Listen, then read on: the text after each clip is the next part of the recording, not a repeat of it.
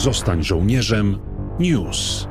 Witam w naszym podcaście i zapraszam do wysłuchania kolejnego odcinka. Rozmawiamy z żołnierzami o ich służbie, doświadczeniach z pola walki i nie tylko, a także o działalności edukacyjnej. Bohaterem tego odcinka jest młodszy chorąży Jacek Klimanek, obecnie żołnierz terytorialnej służby wojskowej w 151 Batalionie Lekkiej Piechoty w Skwierzynie, który wchodzi w skład 12 Wielkopolskiej Brygady Obrony Terytorialnej. Jacek Klimanek jest podoficerem sztabowym w sekcji szkoleniowej. Żołnierz z ponad 30-letnim doświadczeniem. Swoją służbę wojskową rozpocząłem w roku 1988 w pierwszym batalionie szturmowym w Lublińcu.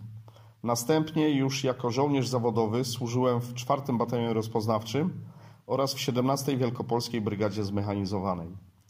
Większość ze swoich stanowisk funkcyjnych, które pełniłem, dotyczyła y, rozpoznania wojsk rozpoznawczych oraz tzw. Tak pododdziałów działań specjalnych. Jestem również specjalistą z zakresu łączności oraz y, analizy danych rozpoznawczych. To rozpoznanie pola walki. Jak ono powinno wyglądać współcześnie? Rozpoznanie na współczesnym polu walki powinno y, wyglądać przede wszystkim nowocześnie. Y, I to nowocześnie na każdym poziomie, zarówno taktycznym, jak i operacyjnym czy strategicznym.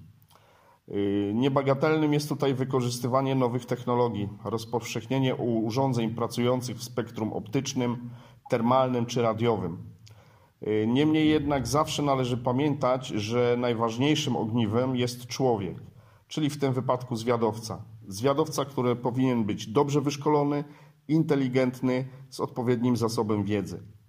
Y, ten, że właśnie zwiadowca będzie tak naprawdę te urządzenia y, obsługiwał.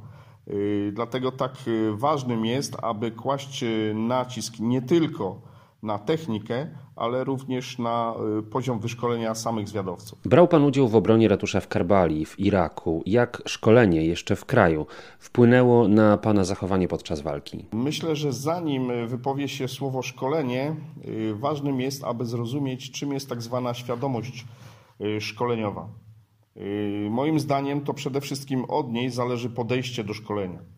Z mojej strony zawsze starałem się i staram do dzisiaj, aby szkolenie było jak najbardziej zbliżone do rzeczywistej sytuacji taktycznej. Takie podejście najpierw trzeba zbudować we własnej głowie, a potem dopiero realizować w polu.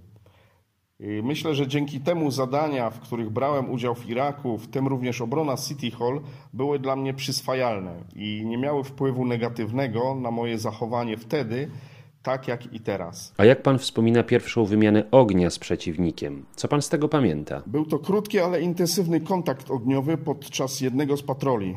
Mówiąc szczerze, niewiele z niego pamiętam.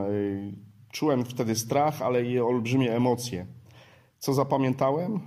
Właściwie z tego kontaktu to prawie nic. Zapamiętałem, że po powrocie do bazy szef chciał rozliczać nas z zużytej amunicji.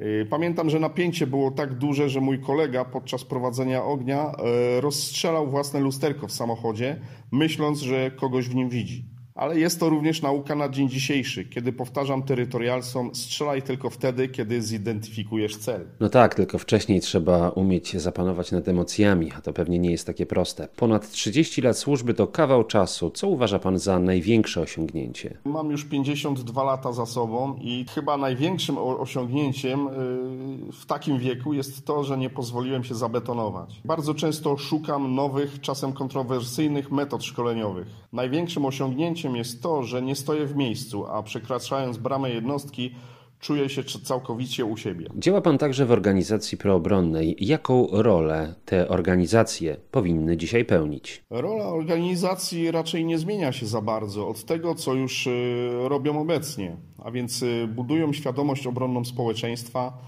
promują postawy obywatelskie i patriotyczne, wspierają szkolenie klas mundurowych czy zapewniają dostęp wstępnie przeszkolonych osób do sił zbrojnych. Y, od kilku lat obserwuję znaczną poprawę funkcjonowania organizacji proobronnych y, na styku z wojska ze społeczeństwem.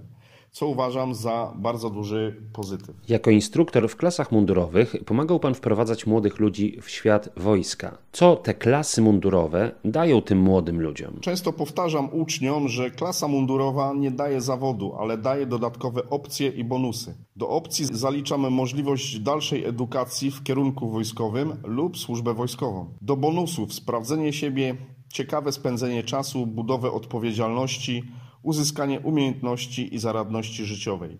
A to chyba ważne dla młodych ludzi. A może Pan zachęcić tych młodych ludzi i nie tylko do rozpoczęcia przygody z wojskiem? Tak naprawdę nikogo nie zachęcam, ale kiedy jest okazja, mówię przyjdź i sprawdź, a potem zadecyduj. Powtarzam to zarówno uczniom, jak i cywilom zainteresowanym służbą w Wojskach Obrony Terytorialnej. I na koniec jeszcze kilka słów o książkach. Jakie książki Pan poleca, a może ma Pan jakąś jedną ulubioną? Trudne pytanie, ponieważ lubię czytać i przeczytałem dosyć sporo książek, zazwyczaj o, o charakterze militarnym czy wojskowym.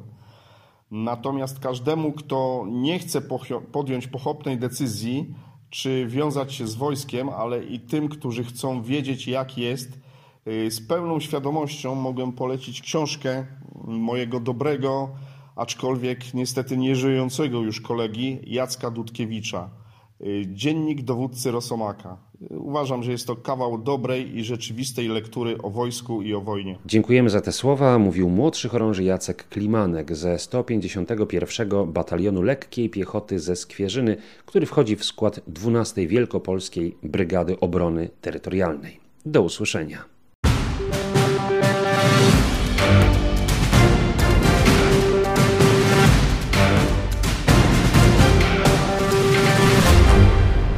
Zostań żołnierzem. News.